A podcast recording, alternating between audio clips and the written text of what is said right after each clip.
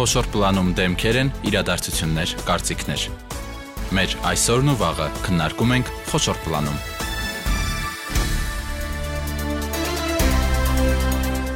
Բարի երեկո, դուք միացել եք Հանրային ռադիոյի երիտասարդական ալիքին։ Այսօր 5 շաբթի է, սա նշանակում է, որ եւս մեկ երիտասարդական թեմա է խոշոր պլանում։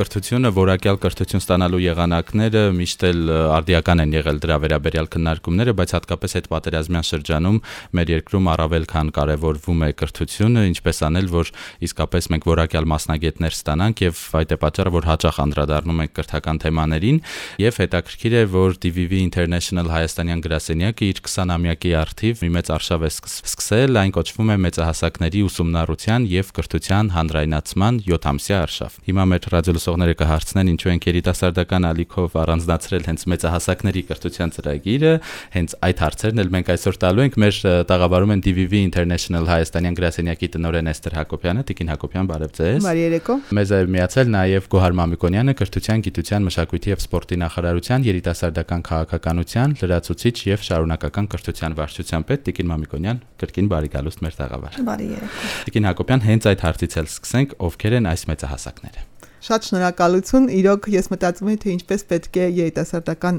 ալիքում ներկայացնեմ մեր գործունեությունը եւ մեր արշավը։ Ուզում եմ նաեւ ասել, որ արշավը անուն ունի եւ ինքը կոչվում է կրթաբաց։ Այո, շատ լավ անուն։ Գրկաբացին Այո, մոտեցրել եք։ Երկար մտածեցինք մեր թիմում, այսպես մտագրող արեցինք եւ այդ բառին հանգեցինք։ Ինչու, որովհետեւ մենք կարծում ենք եւ կարեւորում ենք երկու բան, որ կրթությունը բացում է հնարավորություններ եւ կրթությունը ներքին ռեսուրսներ է բացահայտում մարդու համար։ Եվ այդ այդ երկուսը միավորելով կարևորեցինք կրթաբաց անունը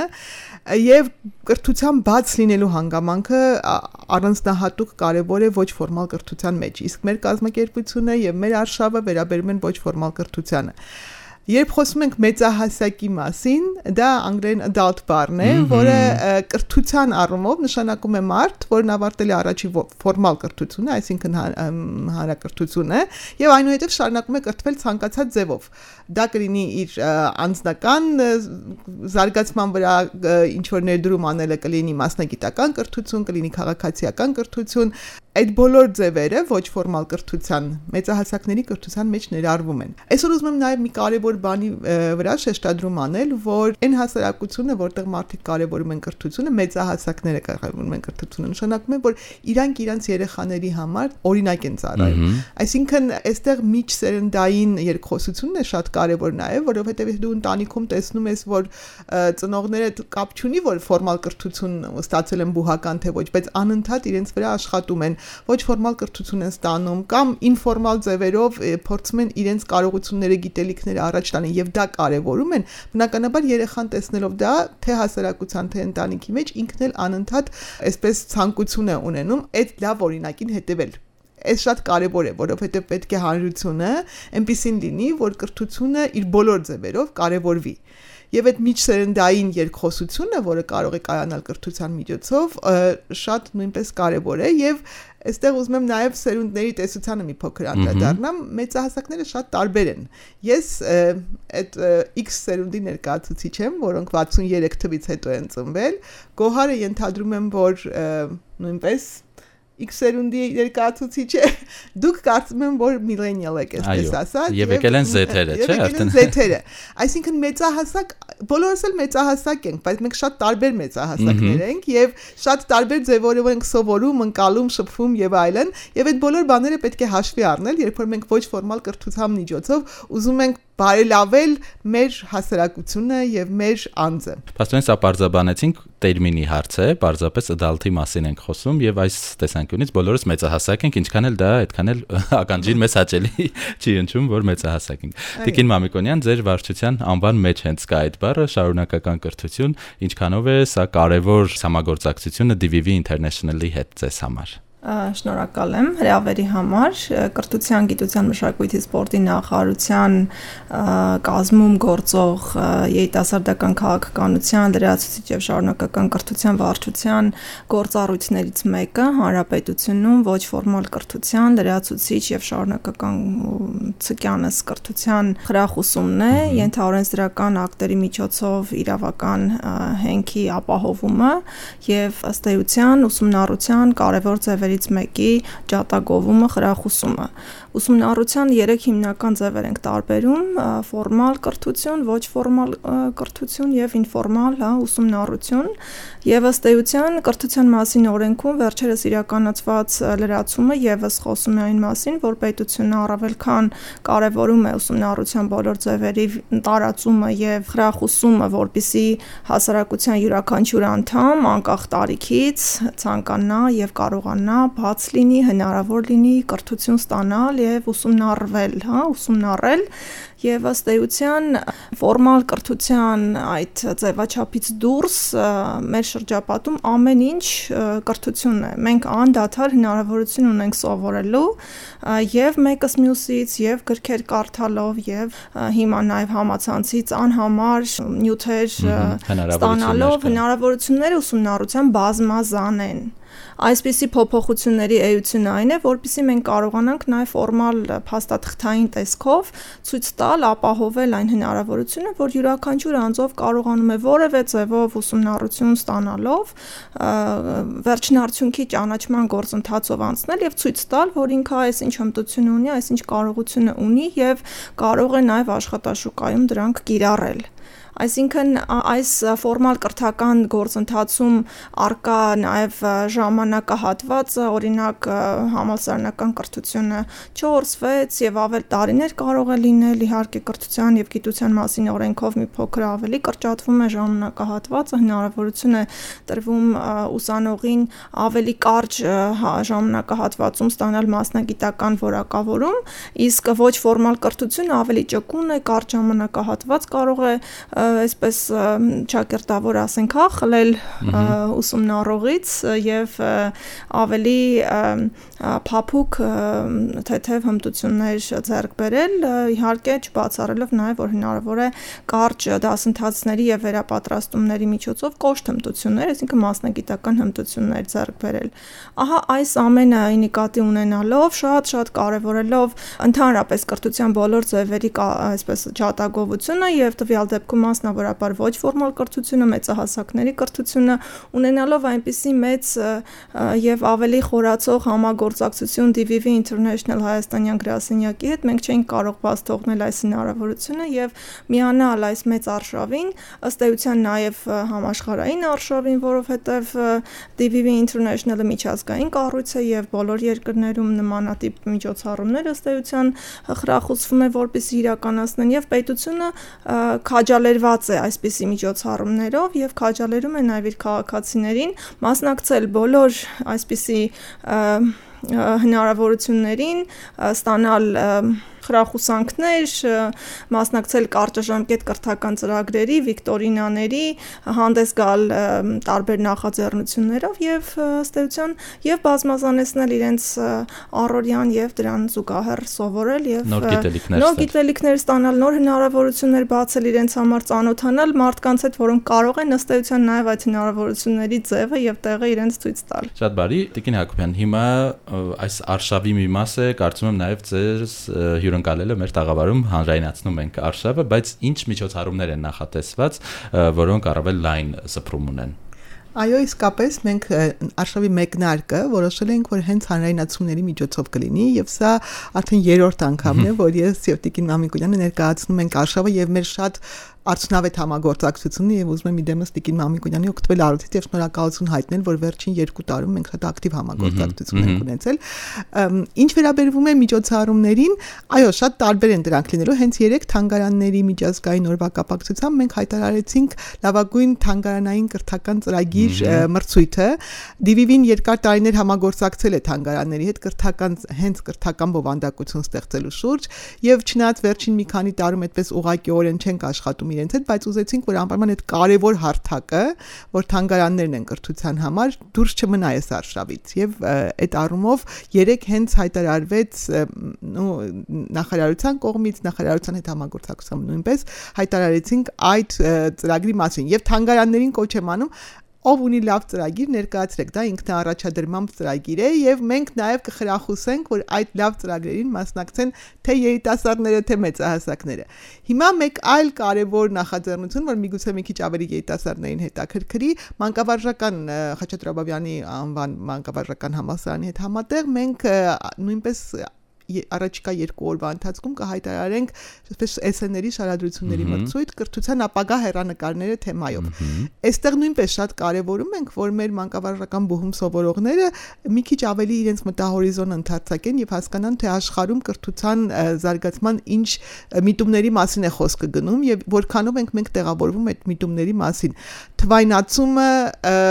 բովանդակության եւ գիտելիքի փոխանցման ձևերի շատ մեծ փոփոխությունները, որոնք տեղի ունեն ունենում, մեծագույն ազդեցություն են ունենում եւ աշխարհում ՅՈՒՆԵՍԿՕ-ի առաջնորդությամբ մտածում են այն մասին, թե ինչպես է փոխվելու կրթությունը։ Եվ մենք շատ կուզենք, որ մեր երիտասարդ մանկավարժները նույնպես սկսեն մտածել այդ մասին, թե ինչպես է փոխվելու կրթությունը։ Մեկ այլ հետաքրքիր ուրեմն նախաձեռնություն, որ կարծում եմ հուլիսի 1-ին կմեկնարկի ազգային գրադարանի գրատպության թանգարանի հետ է լինելու։ Մենք այնտեղ հնարավորություն ենք տալիս 18-ից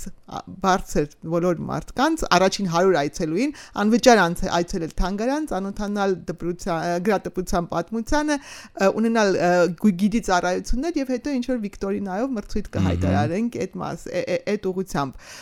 Ունենալու են քննարկումներ անդրադառնալով նորից կրթության ապագայի մասին ՅՈՒՆԵՍԿՕ-ի Futures in Education այդ ամբողջ նախաձեռնության մասին եւ դրանք տեղի ունենալու տարբեր բուհերում հենց այսօր Երևանի Պետական Համալսարանում ունենալու են քննարկում շարունակական կրթությունը բուհերում հայաստանյան օրենսդրության եւ միջազգային համատեքստում, այսինքն այսպիսի միջոցառումներ շատ են լինելու եւ ինչն եմ ես կարեւորում, ուզում եմ մի փոքր անդրադառնամ օրենքին, որի մասին խոսեց Տիկին Մամիկոնյանը, մենք իրոք ջատագովում ենք, որ պետությունը կարևորի շարունակական կրթությունը կամ մեծահասակների կրթությունը, ինչպես մենք ասում ենք։ Իհարկե մասնագիտական մասնագիտությունների առումով կարևոր է դրանք դրանց որակի ստուգումը, բայց ինչ վերաբերվում է քաղաքացիական, մշակութային եւ այլ կրթությանը, դրանք ազատ ազատականացվեն եւ ոչ թե ընդհակառակը ստանդարտացվեն։ Այսինքն մենք շատ կարեւորում ենք, որ պետությունը որոշակի կարգավորումներ մտցնի, բայց նաեւ երբեք չպետք է մոռանալ, որ կան բաներ, որոնք մարդու որոշման, մարդու իրավ, մարդու ընտրության իրավունքի եւ այլնի հետ են կապված։ Տեսեք, մեր հասարակությունում բարձրագույն կրթության դերը շատ բարձր է, երբեմն անգամ ֆետիշացված է սա եւ ընտանիքում երեխաները պարտավոր են ստանալ բարձրագույն կրթություն, անկախ նրանից ուզում են չեն ուզում այդ մասնագիտության հերանեկարները տեսնում են թե չէ։ Եվ ազատականացում ասելով դուք նկատի ունեք ընդհանուր, այսինքն պարտադիր չէ որ միայն բարձրագույն լինի, չէ՞։ Մենք այստեղ բազմաթիվ այլ հնարավորություններ ունենք ոչ ֆորմալից սկսած։ Անշուշտ բարձրագույն կրթությունը շատ կարևորվում է մեր հասարակության մեջ, բայց դրան զուգահեռ կա հնարավորություն արհեստագործական եւ միջին մասնագիտական ուսումնական հաստատություններում ստանալ շատ հստակ արհեստագործական եւ այսպես շուկայում ավելի շատ կիրառական ուղղվածության մասնագիտություններ, որոնցով հեշտ է աշխատանք գտնել ավելի եւ հեշտ է եւ ավելի կարճ ժամանակահատվածում, եթե ժամանակը նկատի ունենանք, հնարավոր է ստանալ որակավորումը եւ իդեպ աշխարհում շատ ընդունված է միջին մասնագիտական կրթությունը եւ աշխատաշուկայում շատ պահանջված են այդպիսի որակավորումները եւ որակավորում ունեցող անձինք ավելի հեշտ են աշխատան գտնում, բայց այստեղ կա մի պարադոքս, որի մասին ուզում եմ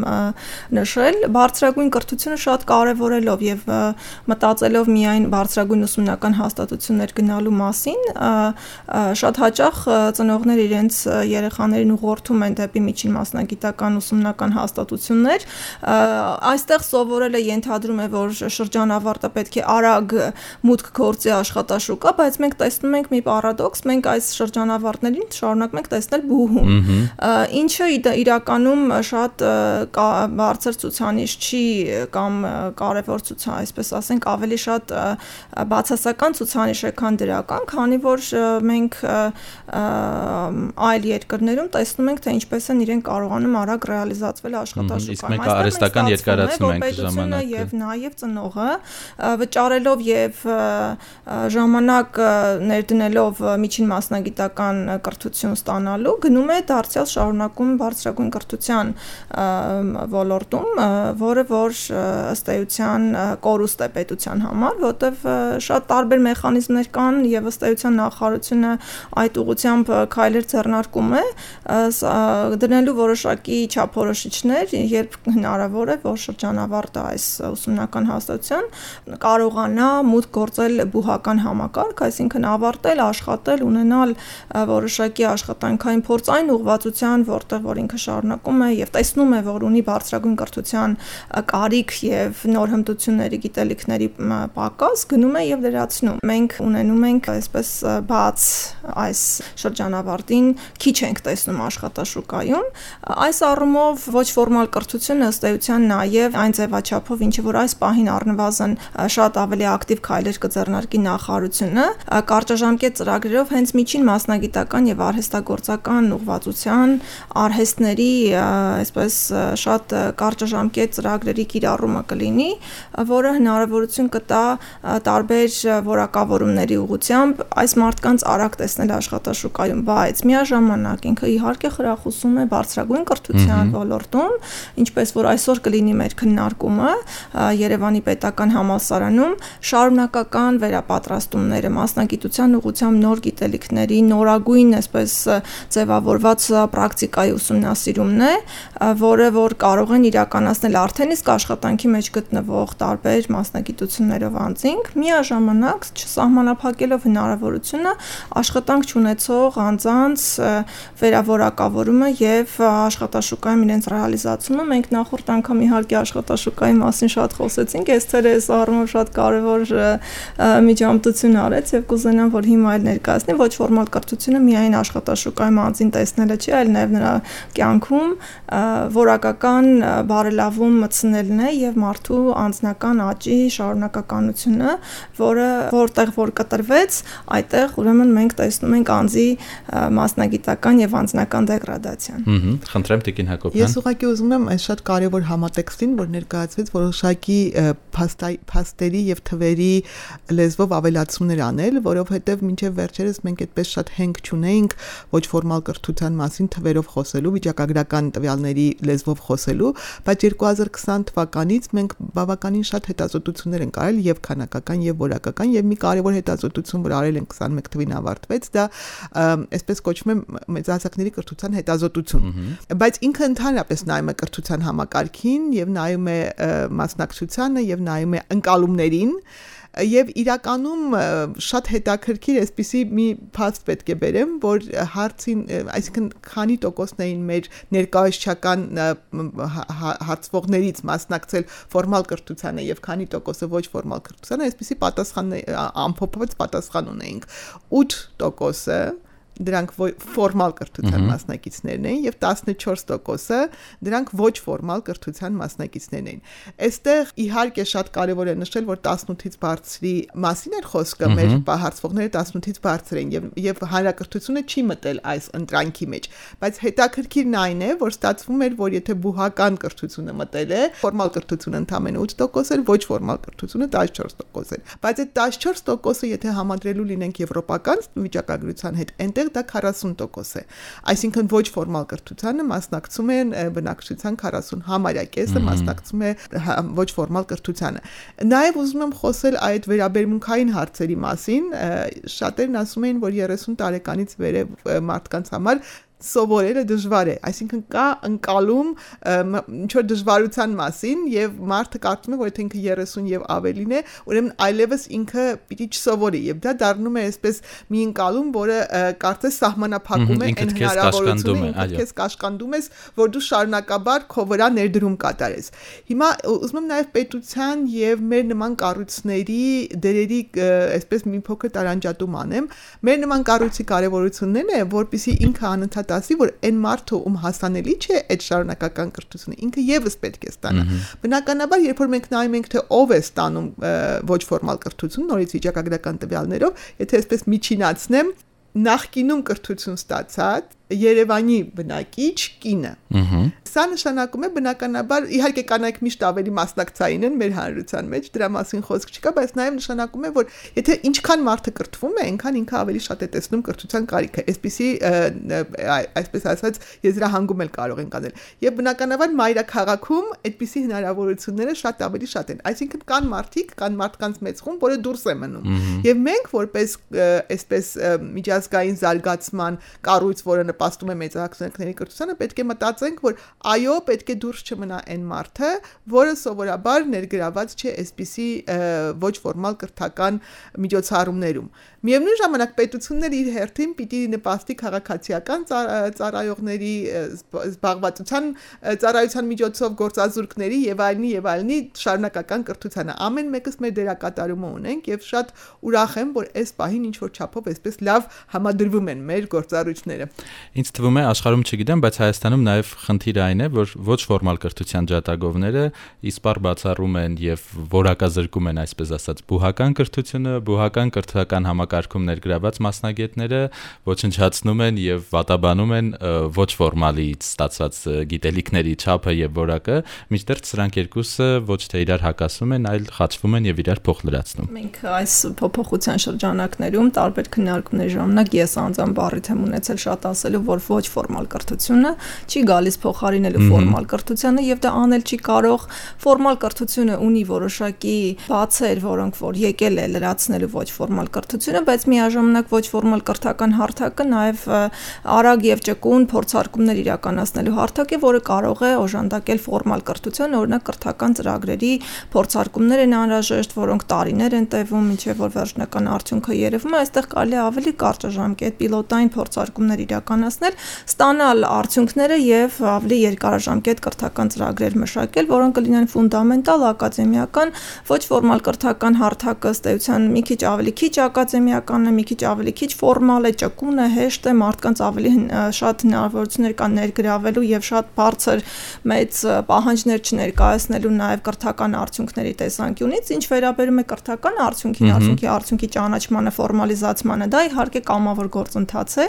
եւ բաց պահելով կրթական այս հնարավորությունը բոլոր ուղություններով պետությունը կտա հնարավորություն, այսինքն ըստ էության օրենքի փոփոխությունը դա է ենթադրում, որ ժամանակի ընթացքում ենթաօրենսդրական ակտերը կմշակվեն եւ հնարավորություն կունենա անձը կամավորության սկզբունքով գալ եւ ճանաչման գործընթաց անցնել եւ ըստ էության ստանալ միանման հա ավարտական փաստաթուղթ բայց ամբողջ դաշտը բաց է, լայն է եւ մեծ են հնարավորությունները եւ շատ համաձայն եմ Տիկին Հակոբյանի հնչեցրած այդ մտքերին, որ եւ պետությունը եւ DVV նման կազմակերպությունները եւ ընդհանրապես ոչ կառավարական հասարակական կազմակերպությունները, որ Հայաստանում բազմաթիվ նմանատիպ ծրագրեր են իրականացնում, շատ թիրախային իրականացնեն գտնեն այն անձանց, որոնք ըստ էության եւ դուրս են աշխատաշուկայից եւ կրթական գործընթացից եւ կարողանան նրանց համար հետաքրքիր դարձնել նաեւ այս գործընթացը եւ ես իմ այսպես ուզում եմ ամփոփել խոսքս եւ նշել, որ շատ ուզում եմ, որ եւ երիտասարդները եւ մեծահասակները անկախ տարիքից եւ երեխաները մասնավորաբար իրեն սովորել, սովորեն սովորել, կարևորեն գիրքը այդ գործընթացում եւ այս տեխնոլոգիական թվային դարաշրջանում նաեւ շփվեն գրքի հետ, շատ կարդան եւ սովորեն գրքից, որովհետեւ անկախ ամեն ինչից դա ուրիշ յուրահատուկ աշխարհ է եւ երբ որ մենք այստեղ մի փոքր պակասեցնում ենք մեր ջանքերը սովորելու նաեւ գրքի միջոցով, շատ կարեւոր հմտություններ ենք կորցնում մանկությունից եկած հայտնի պապիկի խոսքերը միշտ արդիական են սովորել, սովորել, սովորել։ Տիկին Հակոբյանի զրույցի սկզբում ես նշեցի հետպատերազմյան իրավիճակը եւ կրթության դերի կարեւորումը եւ հետաքրքիր է որ DVV-ն էլ Գերմանիայում չէ ստեղծվել է հետպատերազմյան իրավիճակում կրկին երբ զգացվել է թե ինչքան կարեւոր է գիտության զարգացումը։ Հաշվի առնելով ձեր կառույցի այդ փորձը եւ թե ինչ իրավիճակում է հիմա մեր երկիրը, արդյոք առավել, չգիտեմ, շատացրել եք ծրագրերը, առավել շեշտը դրել եք կրթության վրա իրակ իրականում այո, բայց նաև ուզում եմ այստեղ կարևորեմ, որ մեր աշխատանքը մի քանի մակարդակով է իրականացվում։ Մենք աշխատում ենք քաղաքականության մակարդակում նախարարության հետ, մենք աշխատում ենք կարողությունների զարգացման մակարդակում, փորձելով Հայաստանում ուժեղացնել մեծահասակների կրթության կառույցների կարողությունները ընդհանրապես եւ նոր վերջին մակարդակը դա պիլոտավորումն է ծրագրերի, որտեղ մենք մեծահասակների կրթության կենտրոնների միջոցով, այսպես ասած, իրականացնում ենք այն, ինչ քարոզում ենք։ Ունենք 4 կենտրոն, որտեղ կենտրոններին ֆինանսավորում ենք տարեկան որոշակի գումարով եւ իրենց պատվիրակում ենք մեծահասակների կրթություն իրականացնել։ Մարզերում են, չէ՞, գործում։ Մարզերում են, Շիրակում, Տավուշում, Սյունիքում եւ Գեղարքունիքում։ Եվ մենք անցյալ տարի 20 թվի, նու 21 թվին, չէ, իրականացրեցինք այդպիսի հետազոտություն, որտեղ փորձեցինք անդրադառնալ պատերազմի արդյունքում այն տուժած խմբերին, թե տեղահանված մարդկանց, թե զինվորներին, թե զինվորների ընտանիքներին տեսնելու թե որոնք են կոնկրետ խնդիրները եւ ինչպես պետք է մեծահասակների կրթությունը անդրադառնա այդ խնդիրներին, ինչ փորձ կա, ասենք, այնպիսի երկրներում, ինչպիսին Իսրայելն է կամ օրինակ Միացյալ Նահանգներն են Վիետնամի պատերազմից հետո եւ այլն, եւ փորձեցինք այդ դա կիսել բոլոր հնարավոր գործընկերների հետ։ Պիտի ասեմ, որ հիմա իրականում շատ-շատ են ծրագրեր իրականացվում եւ ինձ թվում է մի կողմից դա շատ լավ է, մյուս կողմից այսպես մի քիչ համակարգման եւ իրականում ճիշտ շեշտադրումներով այդ գործը անելու խնդիր կա եւ դա ես չեմ կարող կարող ասել, որ մենք իսկապես կարողացել ենք այդ հարցում այնպեսի մի խոսք ասել, որը շատ ավելի օգտակար կներ, քան մենք մենք ակնկալում էինք, որ կկարողանայինք շատ ավելի օգտակար լինել, բայց այս պահին իրականացնում ենք մի ծրագիր տեղահանվածների համար, նորից մեր 4 կենտրոնների եւ երևս 2 ՀԿ-ների միջոցով կոտայքնել է միացել եւ տեղահանվածների սոցիալիզացիայի իրենց համայնքներում ներգրավելու եւ երիտասարդների եւ կանանց ծրագիր են կանում եւ այդ առումով կարեւորում ենք որ իրենք կիսեն իրենց այն համայնքի մշակույթը, որտեղից իրենք եկել են, որpիսի իրենք ինտեգրվեն ոչ միայն մտածելով, որ իրենց հյուրընկալ համայնքն է իրենց համար ինչ որ մի բան անում, այլ իրենք ասեն, որ մենք էլ կարող ենք հյուրընկալ համայնքին այս հմտությունները, այս ավանդույթները փոխանցենք եւ ուզում եմ երկու բաներ անդրադառնամ ոչ ֆորմալ կրթության հարցին ոչ ֆորմալ կրթության մեթոդները ավելի այսպես ճկուն են ավելի ինտերակտիվ են ավելի ես կասեմ մի քիչ ուրախ են երևի թե ակադեմիական գրավիչ են այո եւ այդ առումով ամենևին խոսքը չի գնում այն մասին որ ֆորմալ կրթությունը ակադեմիական կրթությունը շատ կարեւոր է եւ պետք չէ որ ինքը փոխարինվի եւ չպետք է փոխարինվի ոչ ֆորմալով, բայց հաստատ կարեւոր է որ մեր դասախոսները բուհական տիրապետեն նաեւ ոչ ֆորմալ կրթության մեթոդներին եւ երբեմն դրանք կիրառեն ժամանակ առ ժամանակ դրանք նույնպես կիրառեն, որpիսի ավելի ինչպես դուք ասեցիք գրավիչ դարձնեն ուսումնառությունը իրենց ուսանողների համար։ Եվ մի կարևոր ասույթ, որ գանձին հիմա այդպես շատ պոպուլյար չի Հայաստանում, բայց այդ խոսքը խոսքերը ին վրա շատ մեծ տպավորություն են գործել եւ ես միշտ հիշում եմ, որ ապրիր կարծես թե վերջին օրն ես ապրում, սովորիր կարծես թե երբեք չես մահանալու։ Դա դա ինձ թվում է շատ այսպես ցցուն ցույց է տալիս սովորելու կարևորությունը մեր բոլորի համար։ Եվ վերջում Տիկին Հակոբյան խնդրեի հիշեցնեք այս արշավին մասնակից դառնալու համար, որտեղից մարդիկ կարող են տեղեկություն ստանալ ձեր Facebook-յան էջ պաշտոնական կայք։ Իրականում Facebook-յան էջում մեր բոլոր միջոցառումները դրվում են, ուղղակի ես նորից ուզում եմ խոսել այն մասին, որ սա հանրայնացման արշավ է։ Մենք մասնակցությունը դրանք որոշակի կառույցների, որոշակի ծրագրերի միջոցով է, օրինակ մի բան որ չասեցի, շուտով կրթաբաց պաստառների ուրեմն մրցույթի հայտարարություն կտանք, այստեղ իհարկե բոլորը կարող են դա բաց է լինելու բոլոր այսպես կրեատիվ մարդկանց համար, որոնք կարող են մասնակցել, բայց մենք բոլոր այն միջոցառումներով, որ անելու ենք, իրականացնելու ենք, կարևորել ենք որ մարդիկ այն ինչի մասին մենք այսօր խոսում ենք, անընդհատ լսեն այդ մասին։ Հասկացա, ոչ թե մտնեն ձեր կայքում տեսնեն, այլ ակամայից դառնան դրա մասնակիցը։ Այո, տարբեր ձևերով անընդհատ լսեն այն մասին, թե ինչ կարևոր է շարունակական կրթությունը։ Շատ բարի ավելացնելու բան կար Տիկին Մամիկոնի։ Համաձայն եմ, նույն ջատագովությունն եմ իրականացնում հանրայնացման արշավի միջոցով յուրաքանչյուր անձ, անկախ տարիքից, մեծահասակ է, պատանի է, երեխա է, ցանկանա սովորել եւ գիտակցի, որ սովորել սովորելը, այսինքն կարողանալ սովորելը 21-րդ դարի մեր այսօրվա եւ վաղվա ամենակարևոր հմտությունն է եւ գիտակցել, որ որևէ մասնագիտություն եւ հմտություն, կարողություն կարող է ժամանակավոր լինել, կարող է որոշակի ժամանակ անց կորցնել իր արդիականությունը, իսկ սովորել կարողանալը մշտական հմտություն է, որը մեզ անհրաժեշտ է լինելու ապագայում, անհրաժեշտ է այսօր եւ առանց դրա մենք պարզապես բնականաբար չեն կարող այս անդադար շատ արագ փոփոխվող իրականության մեջ ապրել եւ ադապտացվել նոր պայմաններին։ Շնորհակալ եմ շատ, բացի նրանից, որ հետաքրիր զրույց ունեցանք, շատ մոտիվացնող նաեւ։ Ես հիշեցնեմ, որ մեր տաղավարում էին DVV International Հայաստանյան գրասենյակի տնօրեն Էսթեր Հակոբյանը եւ Գոհար Մամիկոնյանը, կրթության, գիտության, մշակույթի եւ սպորտի նախարարության երիտասարդական քաղաքականության լրացուցիչ եւ շարունակական կրթության վարչության պետ։ Ձեզ հաջողություն եմ մաղթում։ Շնորհակալություն։ Տաղավարում աշխատեց Սևակ Հակոբյանը, մենք քննարկումներով եթեր կվերադառնանք հաջորդ 5 շաբթի։ Առողջ եղեք։